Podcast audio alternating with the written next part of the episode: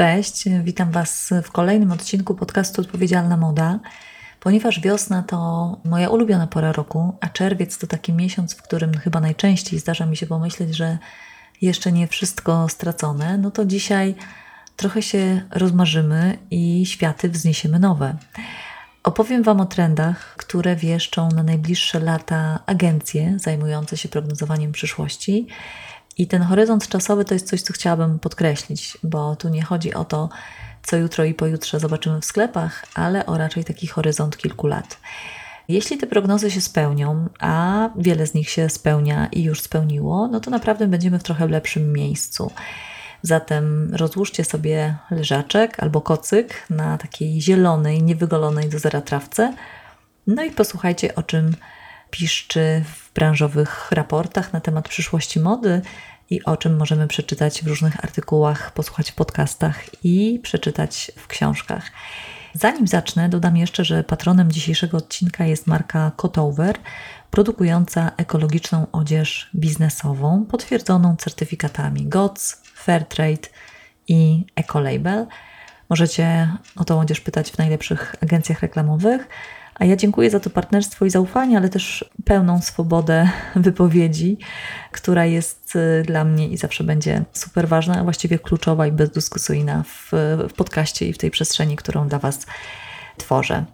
No to zaczynamy. E, jeśli przeczytaliście moją książkę Odpowiedzialna Moda, wiecie już, jak się bada trendy, że jest to proces skomplikowany, wymagający bardzo różnych umiejętności i dużego doświadczenia i że za wieloma zmianami w modzie stoją takie międzynarodowe agencje trendów, ponieważ to one podpowiadają branży nowe rozwiązania i prognozują przyszłość w oparciu właśnie o taką dogłębną obserwację bardzo wielu obszarów naszego życia.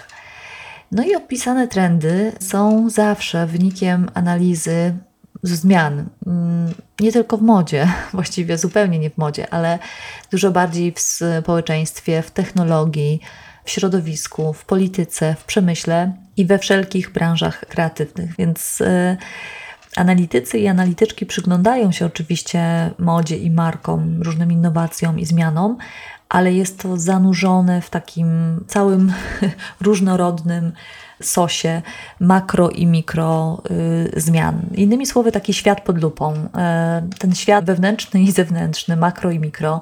Z jednej strony nasze bardzo osobiste lęki, marzenia, aspiracje to, jak żyjemy z innymi ludźmi, jak używamy przedmiotów, ale też to, co dzieje się w biznesie, w technologii, aż na polityce kończąc.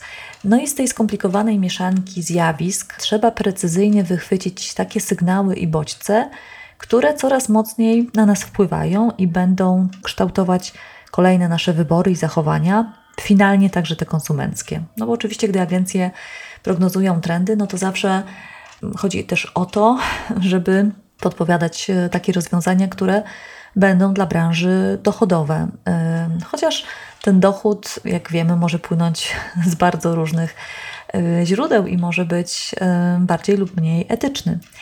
Zatem badamy te trendy, analizujemy, łączymy kropki, aby dostrzec i nazwać siły, które w przyszłości będą zmieniały sposób, w jaki nasze rzeczy, nasz świat będzie po prostu projektowany, rzeczy będą wytwarzane, no i w jaki sposób będą sprzedawane produkty i usługi. Mm, jednym z takich biur podróży jest WGSN, biur podróży, biur mody, biur prognozujących modę. E, WGSN cyklicznie publikuje niezliczoną ilość raportów i analiz obejmujących każdą z branż, którą obsługują, a to nie tylko moda, ale także wnętrza, przemysł beauty, e, jedzenie, a nawet e, taka kategoria jak consumer tech. No i jeden z takich raportów dzisiaj tutaj jest punktem wyjścia do tego naszego spotkania. Mm, on zwraca uwagę na sześć trendów, które warto znać, aby lepiej rozumieć przyszłość, ponieważ te trendy będą kształtować rzeczywistość w ciągu najbliższych kilku lat. No i dzisiaj podzielę się z Wami swoimi przemyśleniami na ten temat. Mm, jeszcze taki mały disclaimer na początku. Nie miejcie proszę złudzeń, e, że ten mały wycinek wiedzy to jest jakaś gotowa recepta na sukces. Y, prognozy trendów i wszystkie branżowe, mniej lub bardziej zaawansowane raporty zwłaszcza tak ogólne jak ten, który tutaj będę y, w kawałkach cytować, to nie jest oczywiście biznesplan. Można spędzić w serwisach typu WGSN, y, Pecklers, jeszcze wielu innych, naprawdę pół życia i nadal podejmować złe biznesowo decyzje, ponieważ wszystkie kierunki i sugestie należy zawsze przefiltrować przez lokalny rynek, DNA naszej marki, cel naszego biznesu, możliwości, mm, profil konsumenta, sytuację na rynku, zasoby ludzkie i finansowe i tak dalej. Dlatego dwie osoby, słuchając tego, o czym dzisiaj opowiem, mogą wyciągnąć zupełnie różne wnioski i ruszyć y, w zgoła odrębnych y, kierunkach.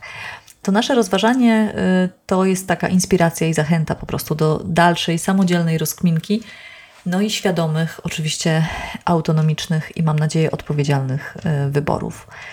No to jedziemy. Zdaniem wielu ekspertów rok 2024 to będzie taki kluczowy moment, jeśli chodzi o branżę modową, e, taki moment przejściowy. I ja wiem, że pewnie słyszeliście to już wielokrotnie, bo rzeczywiście to, że każdy następny rok jest przedstawiany jako ten oczekiwany przełom, to jest jakiś taki E, no, tutaj mam déjà vu. E, natomiast faktycznie wydaje się, że nadchodzi jakieś takie wielkie przełamanie. Ja też to widzę po, po tym, co się w ogóle dzieje wokół odpowiedzialnej i cyrkularnej mody, ile powstaje publikacji, ile, odbywa się rozmów, paneli, w których coraz częściej mam okazję i też przyjemność uczestniczyć, więc naprawdę buzuje.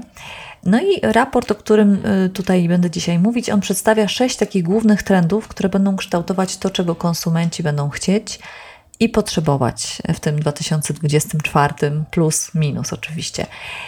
Raport podpowiada, co można zrobić, żeby sprostać tym oczekiwaniom, tworząc właśnie odpowiednie produkty i usługi i zmieniając swoje funkcjonowanie w świecie.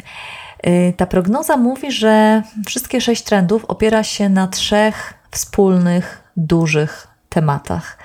Pierwszym jest podwyższona świadomość naszej współzależności, drugi głębsze pragnienie wspólnoty i trzeci mainstreamowe odrzucenie normalności.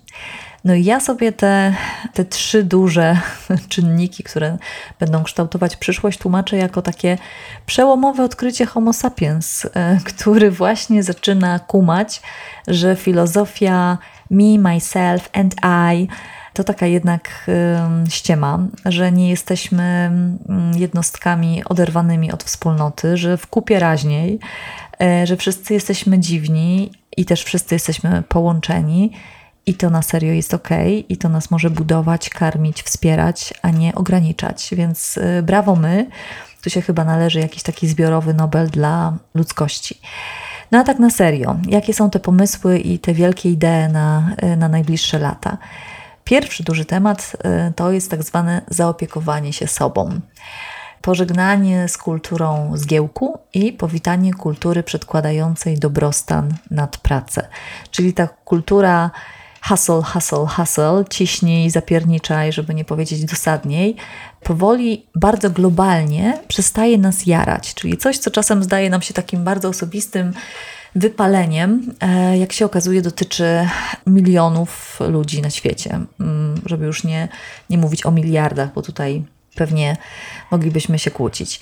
Odpowiedzią na tą kontestację mm, takiego właśnie y, kultu zapierniczania będą produkty i usługi, a jakże, y, które pozwalają ludziom, czy pozwolą ludziom żyć trochę lepsze życie, żeby nie powiedzieć ich najlepsze życie. Ja mam nad biurkiem taki cytat, nie pamiętam niestety czyj, który brzmi tak: Powiedz, co zamierzasz zrobić ze swoim jedynym, dzikim i bezcennym życiem. No i to jest dla mnie o tym, y, o masowym takim przebudzeniu. Trochę koalizuję tutaj, ale sami rozumiecie, w to mi graj.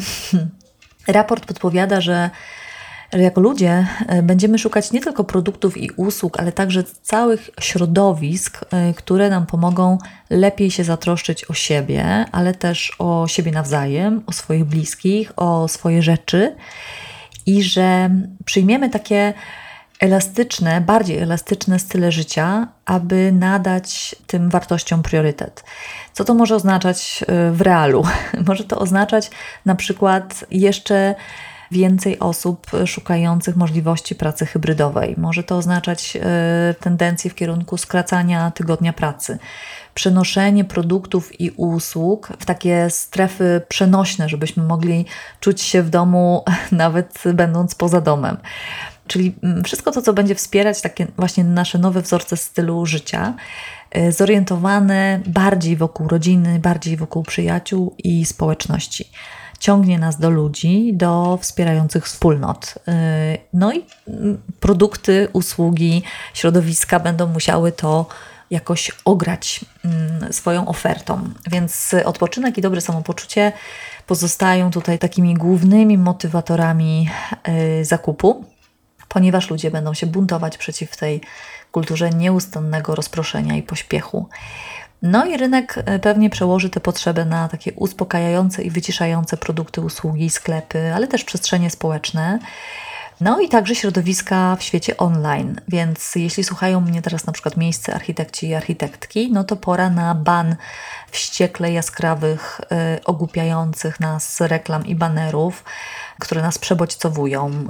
Y, szukamy jakiegoś takiego wyciszającej, albo po prostu zmniejszamy głośność y, umcu umcu w sklepach, y, skręcamy trochę oświetlenie. Tak o tym myślę, tak to się będzie pewnie przekładać. Implikacje dalsze dla branży, tworzenie ekosystemów produktów związanych z usługami pomagającymi nam zadbać o dobrostan i też dających taką długoterminową wartość. To oznacza, że jednorazowe rozwiązania będą mniej fajne i mniej sexy. Jak zacząć?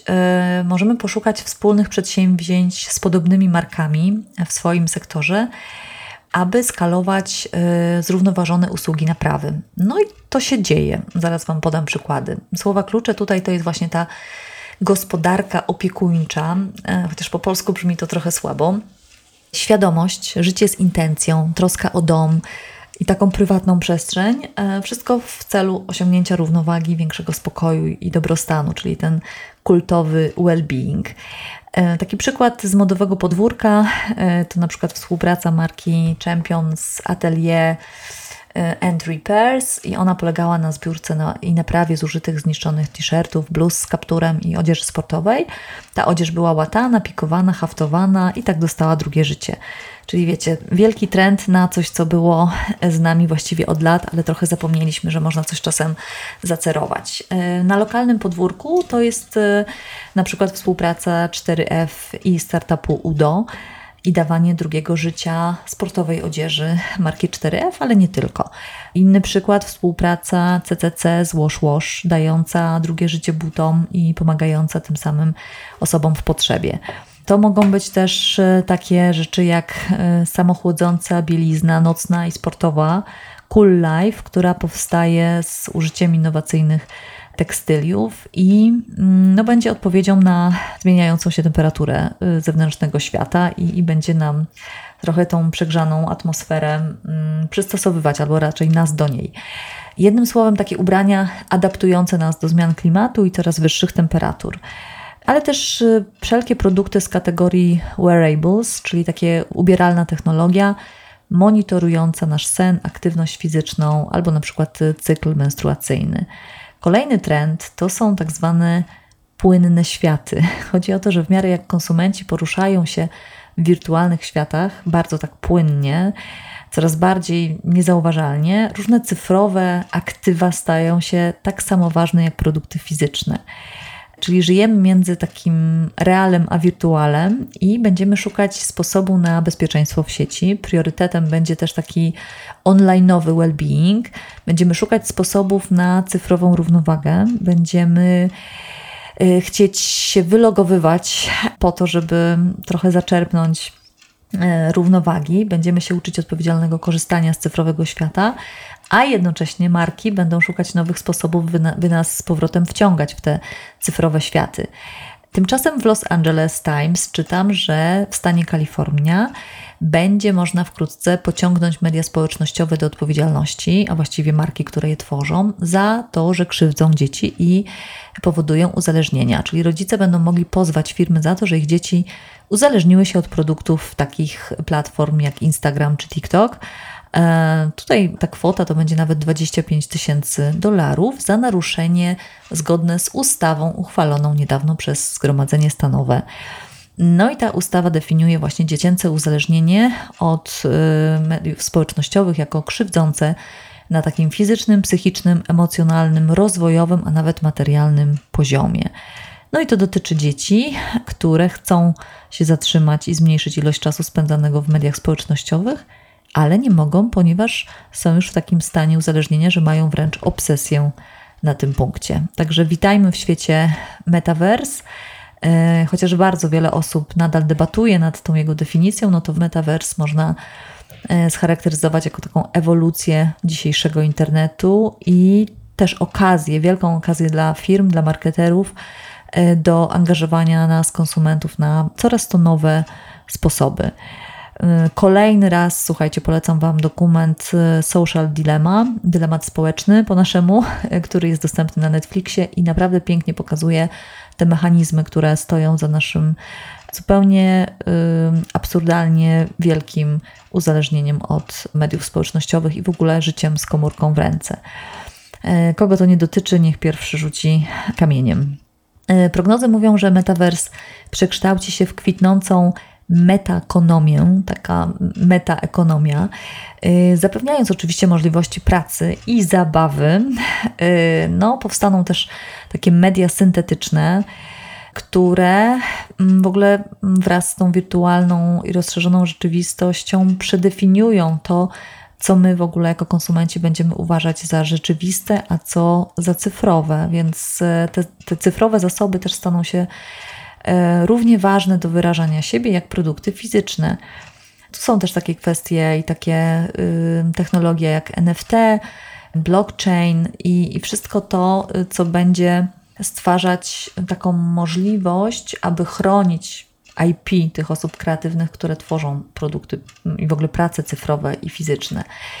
No, a dla marek w ogóle będzie wyzwaniem to, żeby te cyfrowe doświadczenia były dla klientów uważane za, za ważne, karmiące, a nie tylko takie toksyczne, za bezpieczne dla psychiki i odpowiedzialne. Więc te rozwiązania cyfrowe trzeba będzie też osadzić w tych politykach yy, odpowiedzialności firmy, tak zwanego CSR-u. No i branża modowa na pewno y, ma tu y, sporo do zrobienia. Takie przykładowe romanse z technologią i, i właśnie z metaverse to jest na przykład współpraca, kolekcja firmy Zalando razem z Redesign, która wykorzystuje, właśnie kolekcja Redesign firmy Zalando wykorzystująca y, taką technologię paszportów cyfrowych. Y, taki kod QR na etykiecie będzie informował, y, gdzie ubranie zostało wyprodukowane i będzie podpowiadał, co dalej zrobić z przedmiotem, żeby wspierać mm, no, takie odpowiedzialne żeby się nim zaopiekować odpowiedzialnie, czyli co tam z recyklingiem, jak postępować z danym ubraniem. W ogóle paszporty cyfrowe to jest właśnie jedna z odpowiedzi na, na to nasze bycie w świecie online. E, trzeci trend, duży, to jest, nazywa się prowokowaniem protopii. Termin protopia musiałam w ogóle sprawdzić, bo, bo był mi zupełnie nieznany. Chodzi o termin ukuty przez futurystę Kevina Kelly'ego i on opisuje takie bardziej pragmatyczne dążenie do postępu niż utopia. No bo w protopii gdzieś jest to słowo utopia zakodowane, więc protopie oznaczają coś lepszego od tu i teraz, e, ale jednak bardziej realnego i praktycznego i też osiągalnego niż utopia. No, bardzo to jest moje, bo nieustannie mnie napędza jakaś fantazja i wizja o tym, że że możemy być e, lepsi i, i możemy się rozwijać w dobrym kierunku. Więc z protopiami chodzi właśnie o takie rosnące oczekiwanie ludzi, nas wszystkich, e, że firmy będą wprowadzać duże, znaczące zmiany, aby zaradzić kryzysowi klimatycznemu, ale też nas do niego przystosować. To znaczy, że naprawdę greenwashing to nie będzie wszystko, co robią firmy, tylko będą robiły znacznie, znacznie więcej. No i 2024 rok to ma być taki czas, w którym my jeszcze mocniej będziemy czuć tykanie klimatycznej bomby i ta presja na firmy będzie naprawdę gigantyczna. No i w tym rozumieniu zmiany i postępu yy, pojawia się tak zwane myślenie wielogatunkowe, nareszcie, które postawi w centrum projektowania całą naturę, a nie tylko ludzi. To znaczy, wydaje się, że my zaczynamy kumać nareszcie, że coś takiego jak ochrona środowiska czy ochrona przyrody nie oznacza, że my jesteśmy wyjęci z, z, tego ekosystemu, że, że łaskawie człowiek może się zatroszczyć o planetę, bo planeta sama o siebie nie potrafi. No więc generalnie jest zupełnie odwrotnie i, i to my jesteśmy na tej planecie, dlatego że nas karmi, żywi, chroni i no i jakoś wydaje się, że zaczynamy to dostrzegać. Mm, także już teraz w kontekście zrównoważonego rozwoju mówimy o bioróżnorodności ale ta prognoza sugeruje, że duże firmy nie będą już tylko sadzić łąki kwietnej na dachach albo zakładać uli e, gdzieś obok biurowców, co też kocham i gorąco temu kibicuję, ale też e, chodzi o uwzględnienie troski o inne gatunki podczas projektowania i wytwarzania swoich kolekcji. Więc to tutaj, e, gdzie, gdzie marki, gdzie firmy, gdzie produkcja szkodzi najwięcej, to tutaj będą wprowadzane zmiany zamiast takich, wiecie, pseudo miłych, ale jednak mikro działań. Y, wydaje się zatem, że wszystkie te praktyki regeneracyjne nabiorą totalnie tempa. Mm, jest jeszcze jedna ciekawa rzecz, mianowicie tak zwane społeczności tubylcze, y, pierwsze narody Indian w Ameryce czy aborygenów w Australii zostają wreszcie uznane za pionierów systemów cyrkularnych jeszcze uważniej uznajemy ich wiedzę, mądrość i całe takie doświadczenie, po prostu gigantyczne i wieloletnie, wielopokoleniowe, e, dotyczące ochrony zasobów. No i współcześni innowatorzy e, szukają kompromisu między tymi nowymi technologiami, a uwzględnianiu właśnie e, czegoś, co się nazywa Traditional Ecological Knowledge. I K, e, czyli ta tradycyjna wiedza ekologiczna. E, jest to coś wspaniałego, że to się przebija do mainstreamu. I tutaj znowu kolejny raz Wam serdecznie polecę książkę Pieśń Ziemi. To jest idealny przykład tego, jak tradycyjne doświadczenie rdzennych mieszkańców Ameryki spotyka się z taką biologiczną wiedzą. Autorka jest profesorką botaniki, członkinią plemienia Patawatami, zamieszkującego Stany Zjednoczone, zanim biały człowiek uznał, że odkrył Amerykę a jej mieszkańców ochrzcił dosłownie Indianami. No więc e, cyrkularność, także jako powrót do takich odwiecznych mądrości, gdzie cerowano ubrania, naprawiano buty i to było coś najbardziej oczywistego na świecie, gdzie nie wycinano lasów w pień, bo rozumiano, że musi tam coś e, rosnąć, żeby, e, żeby mogły tam żyć zwierzęta. Mm. No i to nie jest niczym rewolucyjnym, nie jest jakimś gestem dobrej woli marek i klientów, ale czymś, co jest jedynym dzisiaj dostępnym rozwiązaniem, jeśli chcemy na tej ziemi jeszcze trochę pobyć. WGSN i nie tylko przekonuje, że cyrkularności będą oczekiwać już nie tylko klienci, ale także inwestorzy, że wszyscy będą coraz częściej domagać się strategii pozytywnych dla planety. No i będą w tym niewątpliwie pomagały przepisy właśnie takiej rozszerzonej, odpowiedzialności producenta, Extended Producer Responsibility, czyli EPR, i te przepisy będą wymagać złagodzenia wpływu produktów na środowisko w całym cyklu życia. Mm, jak to będzie się przekładać na implikacje dla branży modowej? No, na pewno decyzje projektowe będą podejmowane y, już nie tylko w tej tak zwanej estetycznej izolacji, no, takie muszą odejść y, w przeszłość. To wspaniałe zdanie dla mnie oznacza tylko tyle i aż tyle, że projektanci i projektantki nie będą już rozliczani tylko z tego, czy coś jest po prostu ładne lub brzydkie, albo w trendach lub nie. Ponieważ działy kreatywne poza wyglądem i stylem produktu będą musiały oceniać i uwzględniać wpływ tego produktu i swoich kolekcji na planetę, i to od tej najwcześniejszej fazy, aż po tą ostatnią, czyli to, co się dalej z tym naszym produktem dzieje, czy on jest zdatny do naprawy, do recyklingu, do przerobienia, od sprzedaży itd. Tak itd. Tak Tutaj Was też chciałam bardzo mocno odesłać y, do wspaniałej książki, którą wydało wydawnictwo Ellen MacArthur, właściwie Fundacja Ellen MacArthur. I książka nazywa się Circular Design for Fashion, czyli cyrkularne projektowanie dla mody. I tu są e, takie bardzo proste, ale bardzo kluczowe hasła o tym, jak powinien wyglądać ten, mm, ten produkt i to projektowanie przyszłości, e, właściwie sprowadzające się do takich haseł jak design less, czyli produkuj e, mniej, design better, produkuj lepsze rzeczy, między innymi jakościowo, design knowing, czyli produkuj, produkuj transparentnie, ponieważ oczekujemy wiedzy na temat y, naszych rzeczy i produktów, design values, czyli świat oczekuje wartości, docenia wartości i pora je uwzględnić w projektowaniu i wreszcie design together, czyli projektujmy wspólnie, dzielmy się wiedzą.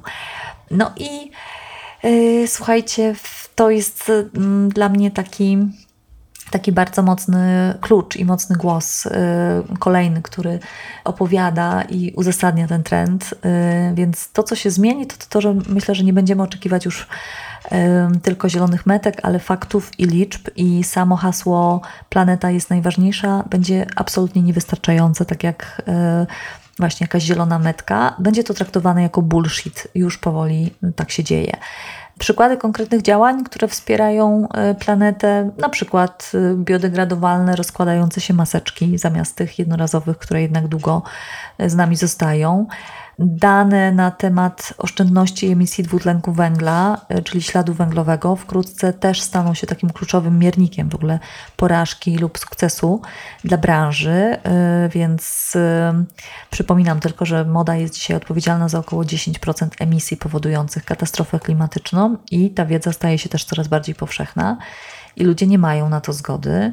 Pamiętacie może podcast o innowacjach? Tam przywoływałam taką markę Volleback, Y, która tworzy ubrania dla sportowców uprawiających y, sporty ekstremalne. Mają, mamy jakieś świecące nocą rzeczy, ubrania ogrzewające, regulujące temperaturę ciała, wyciszające. Y, mają nawet takie hasło, że jeśli Elon Musk będzie leciał na Marsa, to najpewniej w ich ubraniach. No więc ta marka traktuje innowacje i tą adaptację do zmian klimatu bardzo serio i między innymi stworzyła t-shirt, który wykorzystuje tak zwaną bioczerń z alg, y, konkretnie ze spiruliny. Nazywa się to Living Ink i taki atrament czy taki barwnik pozwala wyeliminować z procesu barwienia y, barwniki dotychczasowe, które powstają na bazie benzyny. Mm, więc to jest taka bardzo konkretna odpowiedź na bardzo konkretny problem. Kolejny duży trend to jest ten pod hasłem People Power Shift, czyli takie zmiany napędzane człowieczeństwem. Mhm, brzmi nieźle. Chodzi o to, że ludzie, my wszyscy odnajdujemy jakąś jedność, nową jedność e, w różnorodności, co ma doprowadzić do demokratyzowania różnych projektów, do uwzględnienia różnych potrzeb. Oznacza to, że w tej mainstreamowej narracji dotyczącej kultury, urody, mody, wreszcie oddamy głos niszowym pomysłom, mm, niedostatecznie reprezentowanym społecznościom i wrażliwościom. Czyli generacja Z upomni się o różnych outsiderów i uwzględni ich, tworząc marki, usługi, produkty nasilą się starania, by oferować produkty zdatne do naprawy długiego życia, o czym już mówiłam, często w ogóle tworzone z myślą o kolejnym pokoleniu. Takie, z którymi da się zbudować jakąś relację, pokochać na dłużej. Już wiecie, dlaczego mi się tak dobrze czyta te raporty. Przyszłość to zgodnie z tym trendem mm, takie inicjatywy, które są oparte na ludziach i rynki oparte na wartościach. Mm, no i znowu jakieś przykłady. Organiczna Y, bawełna y, pozwalająca na regenerację ekosystemów. Y, ta z certyfikatem Fairtrade wspiera społeczności rolników i rolniczek, którzy uprawiają dla nas ten materiał. Z kolei sprzedaż stoków pozwala jednym markom zagospodarować odpad, a innym tworzyć upcyclingowe kolekcje no waste to się dzieje. Ta współpraca i te działania właśnie napędzane jakimś rozwiązaniem, które chcemy stworzyć, a właściwie problemem, który chcemy rozwiązać. Więc y, konkret, y, luksusowy koncern LVMH, czyli Louis Vuitton Moet Hennessy, uruchomił taki ryneczek online Nona Source, e, który odsprzedaje w online, ale też chyba jest jakiś punkt offline, e, takie luksusowe tkaniny typu deadstock, umożliwiając małym markom dostęp do tych najwyższej jakości materiałów, ale w mniejszych ilościach, ponieważ zazwyczaj minima, takie wysokie minima są bardzo dużą barierą dla małych marek. E, podobna myśl przyświecała zresztą wydarzeniom na takim naszym lokalnym podwórku. Ostatnio w ramach pierwszej edycji Circular Text Hub która odbyła się w maju. mogliśmy e, świętować modę cyrkularną. Odbył się konkurs upcyclingu, była wyprzedaż resztek tkanin, był panel dyskusyjny, który miałam przyjemność poprowadzić. No i e, w ostatnim podcaście o tym wydarzeniu opowiadała Ewelina Antonowicz, która jest jedną z organizatorek i inicjatorek tego, e, tego super wydarzenia, więc jest współpraca jest łączenie różnych modowych graczy w celu takiego przedefiniowania y, rzeczywistości modowej. Kolejny przejaw tego trendu to produkty tworzone dzięki sugestiom społeczności, choćby tylko internetowej, na przykład na Instagramie, czyli media społecznościowe, które robią dużo złego, ale mimo wszystko dają też możliwość kontaktu e, z, bardzo bezpośredniego z ludźmi, ze swoimi e, konsumentami. Marki mogą nie tylko pytać, jak obserwującym podobają się nowe produkty, ale też zaprosić ludzi do wspólnej kreacji, sugerowania krojów, kolorów albo innych rozwiązań. Przykład kolejny amerykańska platforma Flourish która gromadzi społeczność czarnych marek, a precyzyjnie mówiąc, y, marek tworzonych przez czarnoskórych twórców i twórczynie. No i wspierających y, te marki konsumentów, którzy chcą y, kupować, kupować właśnie takie produkty i przez to no właśnie dodawać skrzydeł tym, tym swoim ulubionym twórcom. Jest też studio Roots, które współpracuje z rdzennymi artystami dookoła globu, aby oni mogli zdigitalizować swoje prace i zarabiać na swojej twórczości. I to jest znacznie lepsze rozwiązanie niż takie powszechne dzisiaj w modzie i nie tylko przywłaszczanie sobie dorobku różnych kultur e, przez marki. Więc tutaj mamy do czynienia z taką promocją autentycznych prac i autentycznych artystów i artystek. Kolejny trend, już naprawdę dobiegam końca, to są tak zwane demokratyczne rozmiary, czyli marki i konsumenci negują pojęcie normalności, oczekują spersonalizowanych, nie wykluczających nikogo projektów, które zadowolą wszystkich, ale tak dosłownie i bez sprowadzania nas do takiego wspólnego mianownika. Zamiast tego, z uwzględnieniem naszych szczególnych, czasem bardzo takich nieoczywistych potrzeb i preferencji, to jest to rozwinienie trendu, a właściwie potrzeby inkluzywności i takiego doceniania różnorodności. Ten kierunek po prostu podkreśla, że przyszłością mody nie są ubrania klony dla wszystkich, tylko wielofunkcyjne, przemyślane produkty i usługi, które pozwolą nam ograniczyć nadmiar, trochę uprościć styl życia. No i w ogóle tutaj też jest mowa o takim nabierającym coraz większej popularności oszczędnym stylu życia. Dla wielu z nas to będzie konieczność, a nie trend i będzie się sprowadzała do posiadania ukochanych produktów dłużej. I to będzie też wykuwało taką nową akceptację i docenianie niedoskonałości, czyli nie wszystko musi być już jak nowe, nie wszystko musi być idealne i spod igły. Możemy ukochanym rzeczom, tak jak ukochanym ludziom, wybaczać na przykład, że się starzeją i że się trochę odkształcają i że się trochę zmieniają. To jest, myślę, fantastyczny kierunek. No, raport podpowiada, że aby odnieść sukces w tym świecie zdemokratyzowanego designu, będzie trzeba zagwarantować klientom taką właśnie personalizację i przystępne rozwiązania dla wszystkich, więc ewidentnie czas e, rozwijać takie produkty i usługi, które służą jakiemuś takiemu pełniejszemu objęciu tego spektrum różnych perspektyw, rozmiarów, potrzeb. No i to podejście pozwoli markom wzrastać, może nieco wolniej, ale za to na pewno bardziej świadomie więc czas stworzyć produkty, które będą się wykazywały, a właściwie my się będziemy wykazywać, tworząc te produkty, empatią w projektowaniu. Y, I pora oferować takie indywidualne dopasowanie w połączeniu y, z wykorzystaniem po prostu technologii i różnych innowacji. Ja ostatnio długo rozmawiałam z mamą y, nastolatka poruszającego się na wózku inwalidzkim no i e, ona nieustannie musi sama właściwie przerabiać ubrania, aby jakoś ułatwić sobie i synowi takie codzienne funkcjonowanie. Więc ubranie dla osób z niepełnosprawnościami to jest taka potężna, niezagospodarowana nisza, więc halo branżo. Nie musicie zresztą tworzyć osobnej marki, ale w ogóle warto zastanowić się nad takimi opcjami dopasowania oferty do szczególnych wymagań, bo ta słynna już i popularna kustomizacja ona bywa oczywiście fanaberią e, i luksusem, ale dla wielu osób jest absolutną koniecznością, więc proszę pamiętajcie o tych osobach. Więc jeśli są tu marki gotowe na taką przygodę, to, to gorąco zapraszam do, do, do pochwalenia się. Inne przykłady takich empatycznych, inkluzywnych projektów to na przykład odzież dla rowerzystek w ciąży, które były zupełnie pomijane przez marki sportowe. Inny wspaniały przykład to są produkty marki Rabis, bielizna i doły strojów kąpielowych yy, stworzone dla dziewczynek, dla trans dziewczynek i kobiet, yy, które pozwalają im czuć się swobodnie na plaży i nie tylko. Markę tworzy ojciec transpłciowej dziewczynki, który w porę dostrzegł potrzeby córki i postanowił odpowiedzieć nie tylko na te jej potrzeby, ale też innych trans dziewczynek. Kłaniam się mu nisko. Mm, są też różne projekty, które na przykład dostosowują jakieś kultowe marki, poszerzając rozmiary danego buta, na przykład popularnego. W ogóle mam nadzieję, że wreszcie będziemy mówić o takim celebrowaniu różnorodności, a nie o tym, że my coś łaskawie tolerujemy, jakąś inność. E, bardzo bym sobie tego życzyła.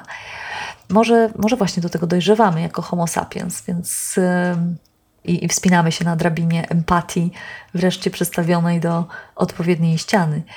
Ostatni trend to jest łamanie kodów. I tutaj jest mowa o tym, że pandemia nauczyła nas robić rzeczy inaczej, e, zaczynając od pracy zdalnej, a właściwie kończąc po sesje, na sesjach zdjęciowych na kanapach albo pokazach mody na Zoomie. Tutaj chodzi o to, że ta kreatywność po pandemii zostanie z nami na dłużej i pozwoli projektantom i projektantkom łamać te stare kody i nawiązywać różne nowe współprace.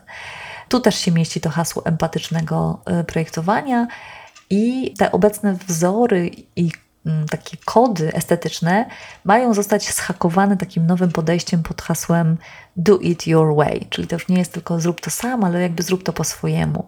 Tu też pojawia się takie hasło jak polycreative, czyli mm, chodzi o to, że marki będą musiały zadbać o taki element zabawy w swojej ofercie, bo bardzo pragniemy takich energetyzujących i pozytywnych produktów i usług. I naprawdę nie chodzi tutaj o jakieś kiczowate nadruki na cukierkowych ubraniach albo takie wyświechtane komunikaty typu good vibes only. Y, bardziej chodzi o zrozumienie, że nawet w tych najtrudniejszych czasach my potrzebujemy luzu, beztroski, jakiegoś elementu zabawy po prostu do życia. Nie musimy na to zasłużyć że nie możemy oczekiwać od siebie takiej wiecznej produktywności.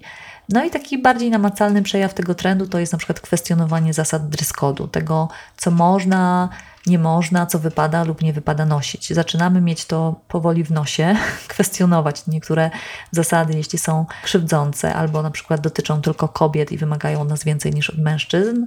A tak często jest, więc te obcasiki dla stewardess to już naprawdę niespoko. Bezpieczne i nietoksyczne to też już za mało, więc rzeczy mają nieść takie pozytywne przesłanie, ale właśnie nie tylko tym nadrukiem, ale też ma to, to nasze do, dobre życie z ubraniami, z rzeczami ma wynikać z tego, że my wiemy i podoba nam się to, gdzie one powstają, kto je zrobił, jak, dlaczego. Yy, myślę, że to brzmi dobrze, prawda? Yy, I wierzcie mi, że są już takie marki, są już tacy twórcy i twórczynie, i ja bardzo im kibicuję. Więc bardzo mm, nawołuję do tego, żeby ci więksi gracze też wzięli sobie te oczekiwania rynku do serca, i do Excela też. No i tutaj, e, słuchajcie, zawijając do brzegu, zakończę takim pokrzepiającym, mam nadzieję, taką pokrzepiającą wyliczanką, którą możecie sobie zanotować, bo już jest dla wszystkich, nie tylko dla branży. E, przedstawię Wam 7 eliksirów, które wzmacniają energię życiową, cytując Martę Niedźwiecką. I myślę, że to jest dobre podsumowanie tego, o co będzie chodziło w modzie, ale mm, to dlatego, że o to w ogóle chodzi w życiu. Więc sen, bez oszukaństwa, bez rezygnacji z rzeczy, na rzecz pracy lub serialu, moment zwolnienia, bardzo tego potrzebujemy, na takiego uważnego kontaktu z ciałem i przeżyciami, ruch fizyczny po prostu. Czwarty eliksir, zabawa, chłonięcie czegoś, co jest inspiracją albo sztuką, czas taki beztroski i mm, bez przymusu produktywności. Piąty, połączenie z czymś żywym, przyrodą, ludźmi, i koniecznie w realu. Szósty, zdrowa myśluwa, czyli taka chwila rozkminy nad tym, jak się dzisiaj mamy, co się z nami dzieje, co, się, co jest wokół nas. No i siedem, czas skupienia, czyli czas na pracę bez rozpraszaczy i wielozadaniowości. Mm, no i bardzo życząc Wam o to, żebyście z tych eliksirów czerpali, jeśli nie codziennie ze wszystkich, to przynajmniej z kilku, żegnam się z Wami i tą życiowo mm, wyliczanką mam nadzieję, że jakoś nie, przy, nie przygasiłam czerwcowego słońca. Jeszcze raz dziękuję wszystkim, którzy wspierają mnie za pomocą Buy Coffee albo Patronite. No i dziękuję patronowi odcinka, Marce Cotover, która ładnie wpisuje się w te wyzwania, bo jest dedykowana firmom, które dbają nie tylko o profesjonalny wizerunek pracowników, ale też społeczną i środowiskową odpowiedzialność firmy. Więc e, dzięki jeszcze raz, dzięki za obecność. No i do usłyszenia za dwa tygodnie. Cześć.